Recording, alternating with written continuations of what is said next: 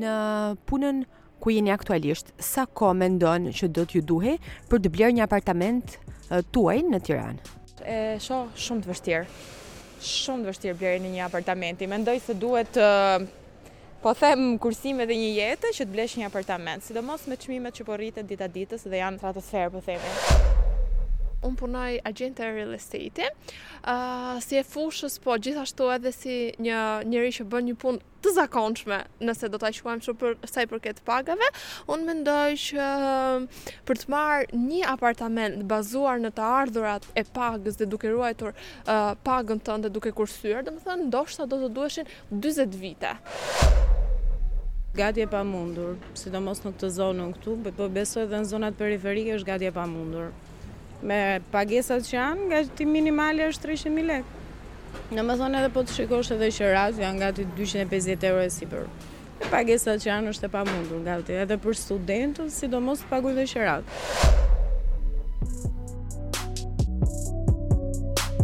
Në këtë episod të podcastit Zëra, do të analizojmë sektorin e ndërtimit në Tiranë.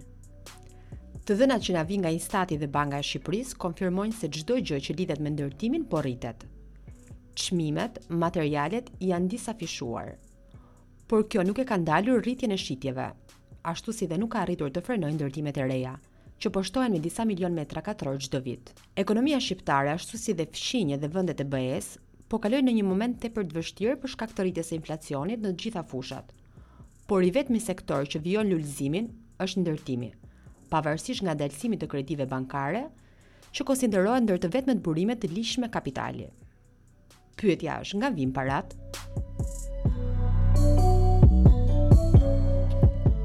Unë jam Elira Kadriu dhe në këtë podcast do të bisedoj me Fabian Zhillën, kërkues në sektorin e krimit të organizuar, i cili do të ndajë këndvështrimin e tij mbi burimin e parave në ndërtim. Ekonomisti Klajdi Bregu do të na tregojë nëse presim një shpërthim apo jo të flluskës së çmimeve të tregut. E në pjesën e dytë dhe përfundimtare, do të analizojmë aspektin estetik të ndryshimit të pejsazhit të Tiranës përgjatë viteve të fundit me arkitektin dhe ekspertin Marson Korbi.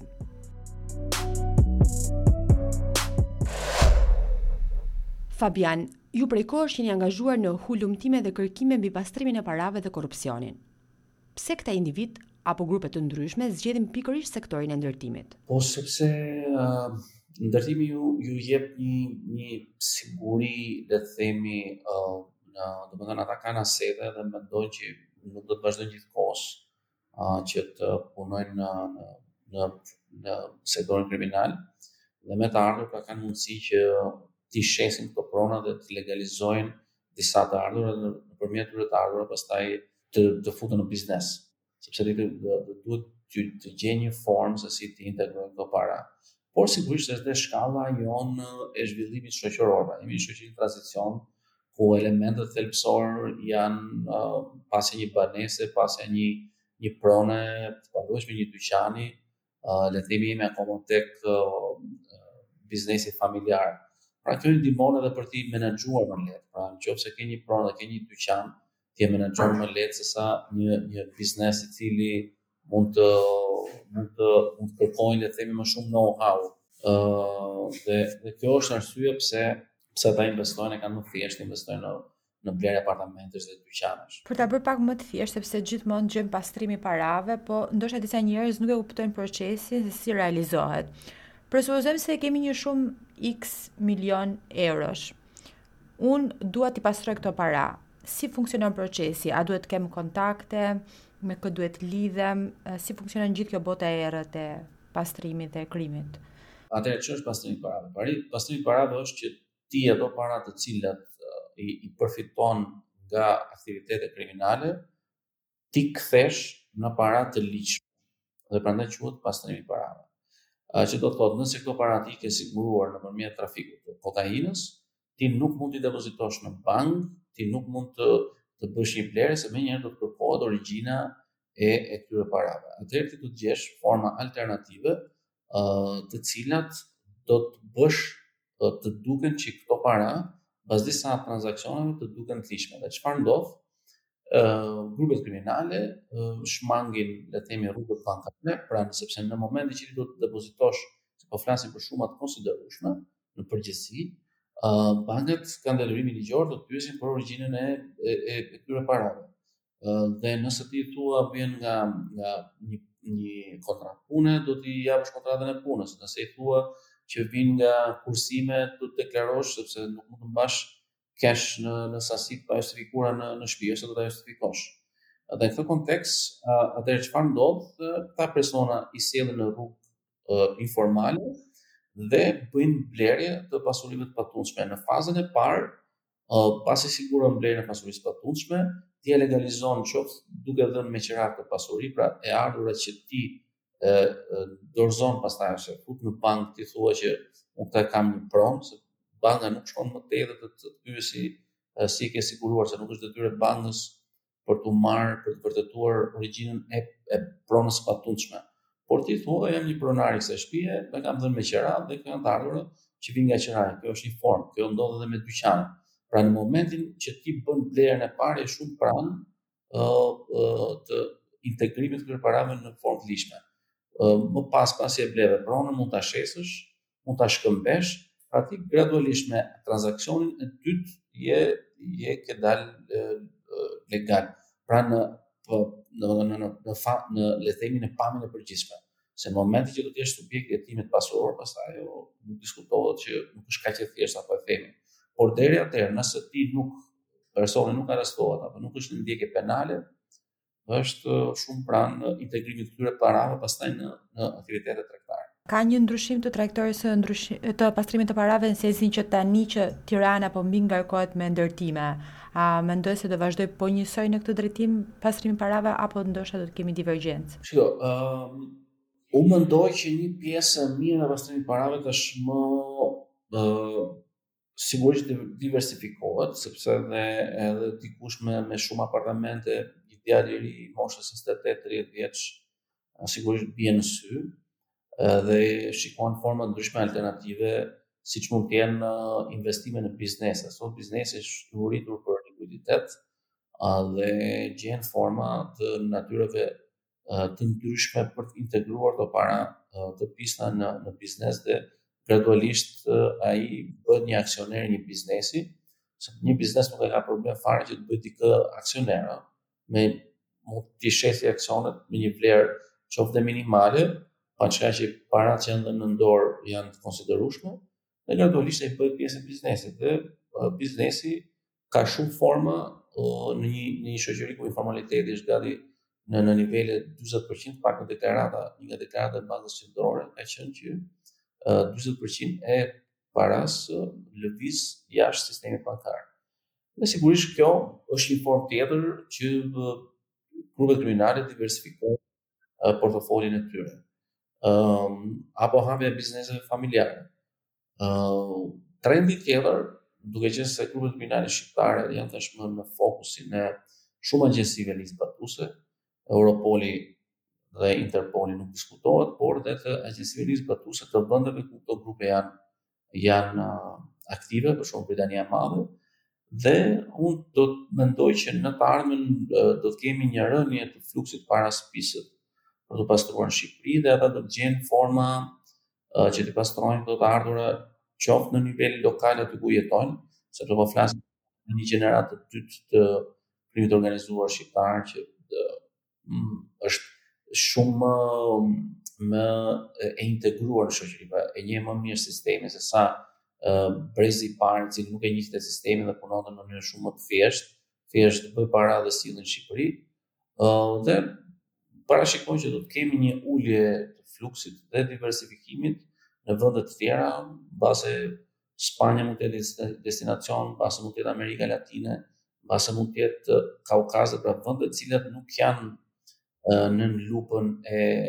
agjencive ndërkombëtare, apo që është e vështirë që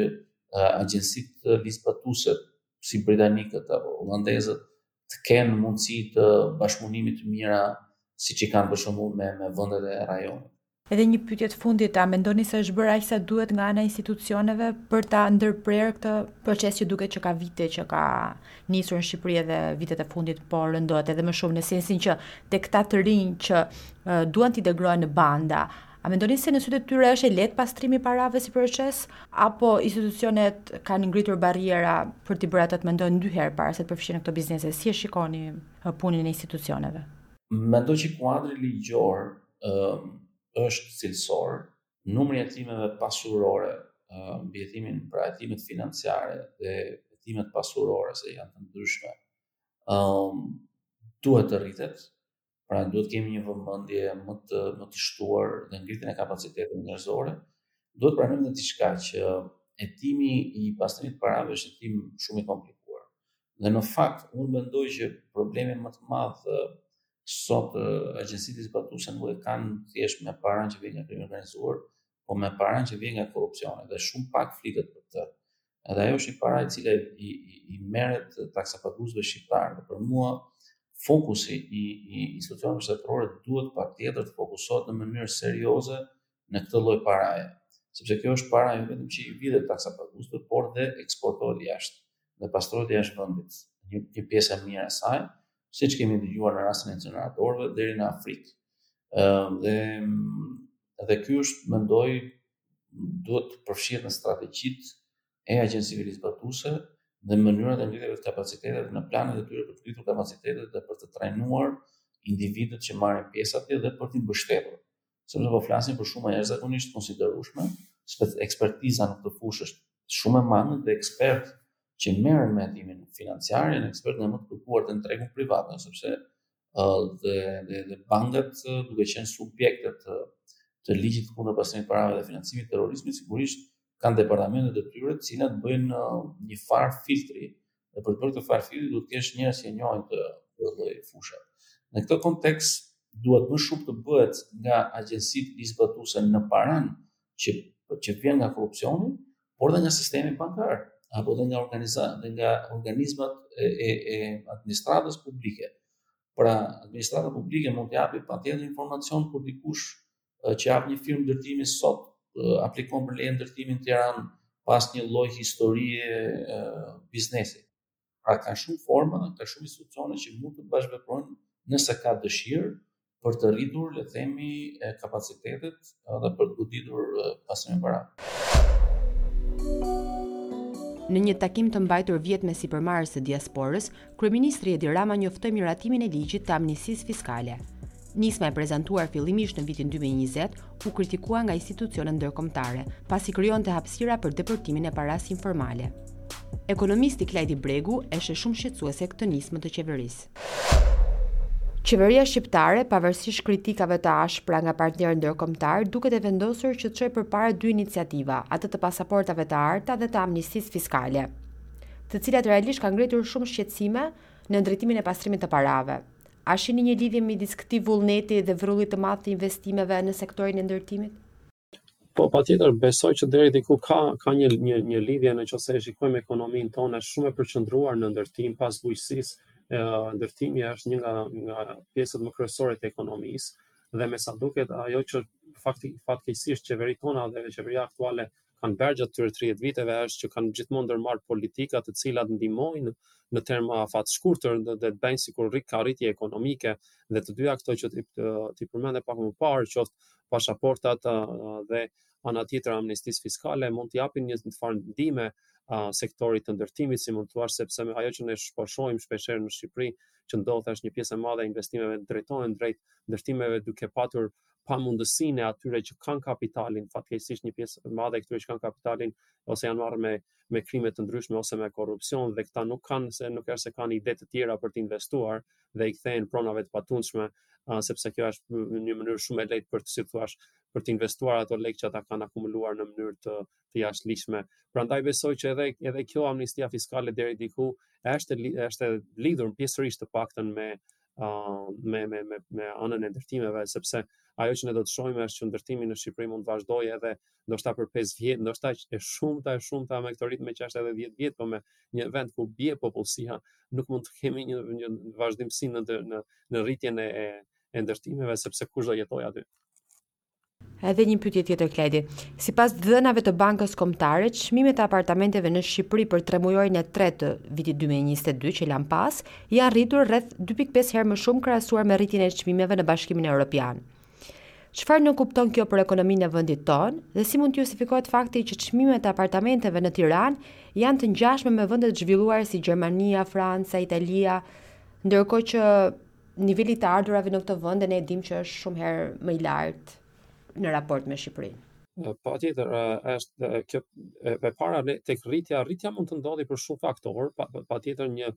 një pjesë e faktorëve janë faktorë normalë, një nga ato që po ndodh shpesh është që një pjesë e shqiptarëve që jetojnë jashtë janë duke u kthyer dhe duke blerë një një ndërtesë, duke bërë një investim dhe po flas për atë pjesë të shqiptarëve që jetojnë jashtë dhe punojnë në të themi në punët e ligjshme. Uh, patjetër ka edhe shqiptarë që janë punojnë jashtë dhe punojnë në punë të jashtëligjshme dhe kjo patjetër edhe kjo ka ndikuar në, në, në, në rritjen e çmimeve. Uh, pjesa tjetër është ajo që po ndodh në Shqipëri, uh, siç e thashë pak më parë, uh, ka të bëjë me faktin që ne kemi një pjesë të madhe të korrupsionit që nuk di ku t'i shpjerë lekët e tyre, ne kemi një rast që doli kohët e fundit pak a shumë uh, me rastin e pastrueses që uh, personi që ishte vjedhur, kishte disa ndërtesa në, në pronësi dhe me dyshimet janë të paktën që mund të mund të ketë përfituar nëpërmjet korrupsionit, nuk nuk ka dalë patjetër asgjë nga gjykata, por dyshimet janë dhe çfarë ajo kjo po sill po sill këtë rritjen e çmimeve deri diku. Nga ana tjetër dhe kjo mund të jetë pas pak pak a shumë edhe arsyeja deri diku pse çmimet tona janë kaq të larta. Uh, Megjithatë, çmimet varen nga kërkesa dhe nga oferta dhe ne po fokusohemi vetëm tek kërkesa që është e lartë deri diku për pjesërisht për shkak të korrupsionit dhe të parave të jashtëligjshme, mund t'i quajmë, patjetër është edhe ana e ofertës dhe sa mundësi ne kemi të ndërtojmë në disa zona të Tiranës, të paktën me me njohuritë që kam unë, uh, nuk ka më shumë vend vend për të ndërtuar. Prandaj uh, disa nisma janë marrë ku prishen ndërtesa që ekzistojnë për të bërë ndërtesa të tjera dhe kështu me radhë. Uh, prandaj është dhe ana e ofertës, si mund të themi që është deri diku e limituar të paktën për një pjesë të zonave të Tiranës që sjell edhe këtë çmimin më të lartë se në vendet e Bashkimit Evropian ose të, të ngjashëm, le të themi. Si shpjegohet kjo rritje e çmimit të apartamenteve, duke qenë se aktualisht në Shqipëri kemi një krizë ekonomike dhe rritje të inflacionit? Po pikërisht, domethënë nuk mund ta shpjegojmë më nëpërmjet rritjes rritjes të rrogave, unë sapo kam parë një analizë uh, kohët e fundit uh, nga Monitor, revista Monitor që është pak a shumë tregonte që rrogat në Shqipëri ishin rritur nga 2019 deri në mesat rroga mesatare të paktën nga 2019 deri në 2022 në 3 mujori 2019-s 3 mujori 2022-shit ishin rritur me rreth 82 euro. I binte rreth diku rreth 18% gjatë të njëjtës periudhe unë bëra një analizë të shkurtër dhe të thjeshtë, gjatë të njëjtës periudhe çmimet janë rritur me rreth 12%, pra gjatë Këtyre tre viteve të fundit rrogat janë rritur në terma real vetëm me gjashtë për qind, as dy për qind në vit. Në terma real që do të thotë fuqia blerëse e, e, e, e konsumatorëve është rritur me një një ë uh, dikujt me një rrogë mesatare është rritur rreth 2%. Pra me me me këtë rritje të rrogave nuk mund të nuk mund të arsyetojmë që kemi një vjen edhe rritja nga e, e çmimeve të pronave vjen nga rritja e rrogës, prandaj duhet të ketë kanale të tjera që të kenë ndikuar, siç e thamë pak më parë, mund të jenë ata emigrantët që kanë po blejnë, një pjesë e madhe është edhe patjetër në, në, në gjykimin tim një pjesë të paktën që luan një rol, është edhe ana e, e, e parave të pista dhe kjo duhet theksuar luan shumë rol sepse individët që që, që kanë para të pista ata luajnë atë rolin e atij, si me thënë, të atij blerësit margjinal që nuk do t'ia di shumë për çmimin, sepse nuk është se si themi në gjuhën popullore kanë nxjerr lekët me djersë. Ata kanë përfituar nga ato që kanë bërë, nga nga favoret që kanë dhënë apo të tjera ose nga uh, aktivitetet e jashtëligjshme të tjera që kanë bërë dhe nuk e ka vrasin shumë mendjen se sa kushton rëndësi ka që t'i futin lekët diku si thua t'i pastrojnë dhe t'i kenë edhe të sigurta sepse nuk nuk është kollaj të mbajnë lekët në sistemin bankar për shembull Arkitekti dhe studiuesi Marson Korbi analizon në retrospektivë se çfarë mund të kishte shkuar ndryshe përgjatë ndryshimit të peizazhit urban të Tiranës ndër vite. Uh, Marson, ju keni bërë edhe një shkrim të fundit që shprehni një lloj nostalgjie për mënyrën dhe hapësirën në cilën ne jetonim. Çfarë mendoni se mund të ruhej apo të shkonte më mirë me qytetet tona, duke pas parasysh formën që kanë marrë tani? Kemi ardhur deri në problematikën e, e sotme duke anashkaluar duke ose më saktë duke u ndalur te disa nga momentet më decizive, më vendimtare, të cilat na kanë sjellë deri në ditët e sotme në problematikat që ne kemi dhe hasim sot. Ë historinë ose në histori do shihja disa momente të mundshme si potentials of unrealized futures, do e thoja kështu, uh, disa momente që mendoj që mund të kishin shkuar ndryshe ka, është është e vërtetë. Mund të përmendja disa të cilat janë edhe mjaft interesante si tema hulumtimi në një farë mënyre për historinë dhe për kërkuesit e historisë dhe të teorisë së arkitekturës dhe i pari mund të jetë për shembull momenti në të cilën në ndryshimin e regjimit, do të thënë direkt pas fillimit të socializmit, në mungesë të banesave për gjithë, një ndër gjërat që u bë më shumë ishte përdorimi i vilave të cilat ishin ndërtuar në Tiranë gjatë viteve 20, gjatë viteve të regjimit të mëparshëm, përdorimi i këtyre vilave si shtëpi kolektive, në cilën shumë familje u vendosën në vilat të cilat ishin pronësi të një pjesëtari të vetëm, duke i kthyer këto vila në një farë mënyre në diçka të ngjashme me atë që sot mund ta quanim si communal villa ose si commune, communal housing, njësi banese e përbashkët. Tjetër moment i rëndësishëm që faktikisht ka dhe një eko më të gjatë në kohë ka të bëjë me me kooperativat. Kooperativat për mendimin tim, pavarësisht se shprehin disfatën më të madhe ekonomike të socializmit, nga ana tjetër kanë një interes mjaft të të paeksploruar për shkak të faktit se duke parë po themi situatën bujqësore për shembull me sytë e sotëm, dhe problemet me pronën private që është një problem tipik i, i Shqipërisë pas, pas viteve 90, kooperativat në një farë mënyre mbeten diçka që mund të ende si si diçka për të eksploruar dhe për të bërë më mirë në një farë mënyre. Tjetër moment ose edhe një eksperiencë që për mendimin tim është tepër e rëndësishme, është ndërtimi i hoteleve të turizmit.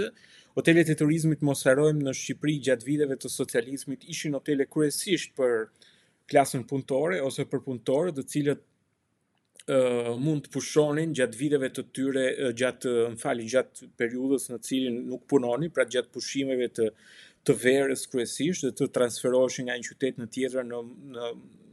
në mundësi lëvizje për punë ose për pushime.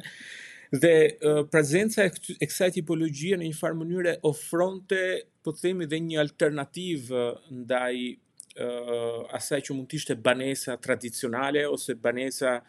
moderne që ishte apartamenti ose banesa familjare në një farë mënyre. Kështu që në një farë mënyre këto lloj hotelesh ose kampet e punëtorëve të pushimit apo edhe eksperienca të tjera të cilat prodhoheshin nga shumë arkitektë të kohës, si për shembull fjetoret, këto tipologjitë po themi në të cilat Shumë hapësira ishin të përbashkëta, përfshi dhe hapësirat e fjetjes, të përdora kryesisht për të fjetur pak kohë, përbën një eksperiencë shumë të rëndësishme për t'u parë me interes nga nga historia, sidomos në emancipimin e e shumë aspekteve të shoqërisë. Mos harrojmë për shembull që hotelet më të rëndësishme në në në Tiranë ishin dhe hotelet që gjatë kohës së socializmit ofronin dhe bare dhe po themi mundësi për të njohur të huaj, kështu që uh, kishte edhe një lloj aspekti klasor që ja përafronte pak më shumë me ato që mund të ishin mënyrat e jetesës borgjezisë, por që i aksesoheshin punëtorëve. Kështu që këtë eksperiencë do e shihja me me uh, me pozitivitet në një farë mënyre dhe së fundmi uh, diçka që është për t'u parë si një potencial për t'u për t'u rivizituar mirë është edhe banesa informale. Banesa informale për mendimin tim nga nga njëra anë për përkon me momentin më negativ të ekonomisë shqiptare që është informaliteti në përgjithësi si fenomen, por nga ana tjetër ky informalitet bazohet kryesisht mbi ato që ishin gjurmët dhe projektimi i ekonomisë agrare viteve 50. Me pak fjalë, po të shohim, futemi sot në një zonë informale, shumë nga këto shpi kanë, po themi, zënë parcelat që dikur i përkonin kampeve bujqësore, por jo të gjithë këto parcela janë të zëna, për shembull, gjë që na bën të mendojmë se një mundësi për të futur një ekonomi alternative nga që nga ajo që është ekonomia informale në këto zona mund të ketë dhe i referohem një ekonomie në të cilën aspekte të pronës mund të kthehen si aspekte prone të përbashkët, ndërkohë që kujdesi ndaj tokës mund të jetë një kujdes i bashkëndarë mes banorëve, mes shumë banorëve të një zone të caktuar. Dhe du, dhe problemi më i madh në Shqipëri është që këto aspekte shpesh herë u përthithën nga nga krimi i organizuar në disa zona, janë zona të tjera të cilat këto mund të ende të kenë në një farë mënyre një potencial alternativ ndryshe. Doja të përqendrohesha pak tek Tirana, e cila në këto momente është e mbipopulluar dhe po zhvillohet akoma me godina shumëkatëshe. Si mendon se ka ulur kjo cilësinë e jetesës në kryeqytet? Edhe kjo është pyetje e rëndësishme sepse që në një farë mënyre është edhe vështirë sepse gjatë viteve të fundit vështirë të të kemi pasur një Tiranë sidomos gjatë viteve nëntëdhjetë me një cilësi jetese të lartë, do të thoja që gjithmonë ka ardhur gjithmonë duke përkeqësuar cilësia e jetesës në Tiranë, ë megjithëse edhe kjo në, në vetvete ka të vërtetat dhe të pavërtetat e, e veta. ë është e rëndësishme për mendimin tim nga pikëpamja arkitekturore të shihet arkitekturore dhe e zhvillimit planifikimit në në Tiranë ë nuk mund të mos shihet pa patur parasysh historinë dhe vendimmarrjet e ndryshme në raport me pronën. Ëm qoftë se krijojmë një gjenealogji të të shkurtër në të në të ashtuquajturit vitet e tranzicionit, vitet e tranzicionit në një farë mënyrë prodhuan një tipologji, po tipologjinë më famkeqe në Tiranë që është tipologjia që ne në gjuhën e përditshme quajmë thjesht pallati ose pallati i, i ri. Shumëkatësh, kryesisht sepse janë objekte të cilat herë pas here kalojnë në shumicën e raste mesatarisht 10 katet. Ë këto pallate janë rezultati i asaj që mund quhet një ekonomisë kryesisht spekulative, në të cilën po themi pavarësisht se mund të duket sikur shteti gjatë viteve të tranzicionit u tërhoq nga çfarëdo lloj detyre planifikimi apo e, plani urban në përgjithësi në fakt mund të thuhet se ky kjo mungesë e një plani urban mund të konsiderohet si vetë projekti i viteve të tranzicionit i qeverive, sidomos qeverive lokale. Dhe kjo sepse u besua, uh, sidomos në vitet e para, se duke i lënë zhvillim të lirë pronës uh, dhe iniciativës të lirë, në një farë mënyrë qyteti do zhvillojë. Dhe është e vërtetë se uh, Tirana e cila në një farë mënyrë fshihte, fshehte dhe gjatë viteve të socializmit një mentalitet borgjez, do thoja me pak me disa dyshime, por mendoj se mund të thuhet me me bindje se Tirana edhe gjatë viteve të socializmit pati një, një farë mënyrë më një aspiracion mikroborgjez se sa mund të ishin zonat e rretheve apo fshatrave dhe kjo duket qartë edhe në thjeshtësinë se si kalimi po themi nga ekonomia e centralizuar në ekonominë private në Tiranë u ishte edhe më i kollajshëm po të përmendim se sa shpejt dhe se sa kollaj shumë kate të para u kthyen në në dyqane se sa shpejt u ndërtuan kioska. Kuptohet që kjo nuk ishte diçka spontane, po ishte diçka që lejoheshe dhe u lejua nga qeveria bashkiake, nga qeveritë lokale të, të, të asaj kohe. Më pas u pa që nga kjo mënyrë nuk kishte një përqendrim dhe një akumulim paraje të mjaftushëm, dhe iu dha fillu, u fillua të jepej përparësi përparësi ndërtimit të pallateve, që kaloi po themi nga kioskat tek shtesat e para të kateve mes pallateve ekzistuese dhe ndërtimi i pallateve të reja ose kësaj tipologjie më spekulative që do të thoja më parë që po thoja më përpara dhe uh, ajo që mendoj është e rëndësishme është aspekti i pronës. Ë uh, këto pallate ishin rezultat i marrëveshjes të cilët merr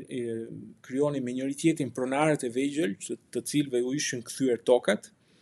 Shumë nga këto pronarë të ashtuquajturit autoktonë sot në nëpër po themi cirkuitet mediatike që kam vënë re kohët e fundit dhe shumë nga këto po themi personazhe pronarë të vegjël shihnin më të leverdishme të leverdishme vendosjen së bashku të pronës së tyre gjetjen e një investitori, të një biznesmeni ose apo një ekonomisti i cili mund të investonte në ndërtimin e pallatit dhe ky, po themi, proces ë uh, filloi të karakterizonte Tiranën sidomos gjatë viteve uh, 2000. Kuptohet që uh, nga ana e saj bashkia uh, e Tiranës uh, hoqi ndaj vetes gjithë po themi përgjegjësitë për sa për sa i përket prezencës së shërbimeve kolektive për sa i përket ndërtimit të, të rrugëve për shumë kohë mos harrojmë që në Tiranë rrugët ishin ende të paasfaltuara kur filluan të ndërtoheshin dhe të vihej vëmendje rrugëve kryesisht u piketuan akset kryesore ndërkohë që pjesët në të cilën këto pallate ndërtoheshin më shumë ishin kryesisht të zhytura në baltë në gjithë kuptimin e fjalës dhe dhe në të njëjtën kohë ë dhe në të njëjtën kohë pa sidomos pas viteve 2000 se si këto pallate në një farë mënyrë ofronin dhe një lloj suksesi sepse uh, pallatet jepnin më mundësi për hapësira uh, tregtare, për hapësira komerciale, për biznese të vegjël. Ekonomia shqiptare është ende sot e dominuar nga biznesi i mesëm i vogël, pavarësisht fillimit të prezencës së oligarkëve në vitet e fundit të oligarkisë dhe uh, tjetër aspekt i i suksesshëm për sa i përket po themi vendimarrjes së bashkisë në lejimin e ndërtimit të këtyre pallateve ishte edhe mbajtja po themi nën hije e asaj që përmenda në në përgjigjen e parë të punës shtëpiake. Shumica e këtyre ndërtimeve janë kryesisht të vendosura nëpër lagje të vjetra, nëpër ë nëpër hapësira në të cilat ë po themi nuk ka hapësirë për për ajër apo për ndriçim në zona mjaft të fshehta do të thoja të qytetit, gjë që e bën po themi mbajtjen në kontroll në një farë mënyre nga pikëpamja më sociale e e e familjes, e pjesëtarëve të familjes dhe dhe të, të konfliktit shtëpiak, që është po themi dhe thelbi i për, i asaj që i përket zhvillimit të krahut të punës dhe i nevojës dhe i ripërtëritjes së fuqisë punëtore. Një tjetër aspekt i suksesshëm do të thoja nga pikëpamja e qeverive lokale nëpërmjet ndërtimit të kësaj tipologjie spekulative, ishte dhe në një farë mënyre nënvendosja e profesionit të arkitektit. Arkitekti i cili përkon, ose arkitekti i cili vizaton këtë lloj tipologjie, është një arkitekt i cili nuk arsyeton më sipas nocioneve të marra në shkollë mbi cilësinë e banimit, mbi hapësirën minimale për banesën, por është një arkitekt i cili i përgjigjet kryesisht rregullave të tregut, rregullave spekulative. Në fakt, arkitektët do fillojnë të arsyetojnë kryesisht duke përdorur numra, duke logjikuar me hapësira të tipit 3 plus 1, 2 plus 1, 1 plus 1 që janë kryesisht që është kryesisht gjuha e përdorur nga agjencitë imobiliare për të shitur apartamente. Kjo është goxha e rëndësishme sepse në një farë mënyre nga pikëpamja qeverisëse ndërtimi i këtyre ndërtesave është goxha përfitues ose goxha i suksesshëm për sa i përket do thoja ë qeverisjes lokale, jo më kot ë vazhdojnë të ndërtohen të njëjtat tipologji pallatesh ende sot. Dhe do thoja që moratoriumi i vendosur i vendosur gjatë viteve të qeverisjes së Lulzim Bashës në një farë mënyre e përshpejtoi këtë ndërtimin e sotëm pas rihapjes së lejeve në një farë mënyre, që për mendimin tim ë vazhdon të ketë Po themi po të njëjtin sukses nga pikëpamja e qeverisë së bashkisë si në vitet e para, si në vitet 2000. Kështu që ë uh, kuptohet që cilësia e jetës është më e ulët, ë uh, por në të njëjtën kohë nga pikëpamja uh, e një biznesi, nga pikëpamja e një suksesi biznesi për uh, autoritetet lokale, kjo ishte një, po themi, një arritje e suksesshme dhe nuk është Shqipëria i vetmi vend, do të veçoja shkurtimisht E njëjta gjë, e njëjta gjë ndodhte në Italinë e viteve ose në Romën kryesisht të viteve 70-80 me ndërtimin e asaj të ashtuquajturës palacina. E njëjta gjë ndodhte edhe në Athinën pas viteve 50 me të ashtuquajturën polikatekia, në të cilën biznesmenët ishin ato të cilët dominonin, po themi, ndërtimin e qytetit, nën mbikëqyrjen e autoriteteve lokale që është bashkia.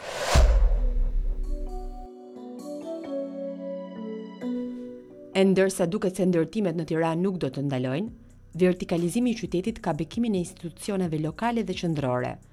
që veç politikave lehtësuese, po përdorin dhe një retorikë që glorifikon kullat dhe zhvillimin vertikal. Në Tiranë priten që të shtohen ndërtimet. Bashkia parashikon të vjelë 6.2 miliard lek nga taksat e ndërtimit në vitet 2024 dhe 2025. Ndërsa nismat për amnistinë fiskale dhe pasaportat e arta të qeverisë, duket se po përpiqen të ligjërojnë pastrimin e parave. Ky është podcasti Zëra. Na ndiqni në Google Podcast, dhe Spotify për të dëgjuar atë që ka rëndësi.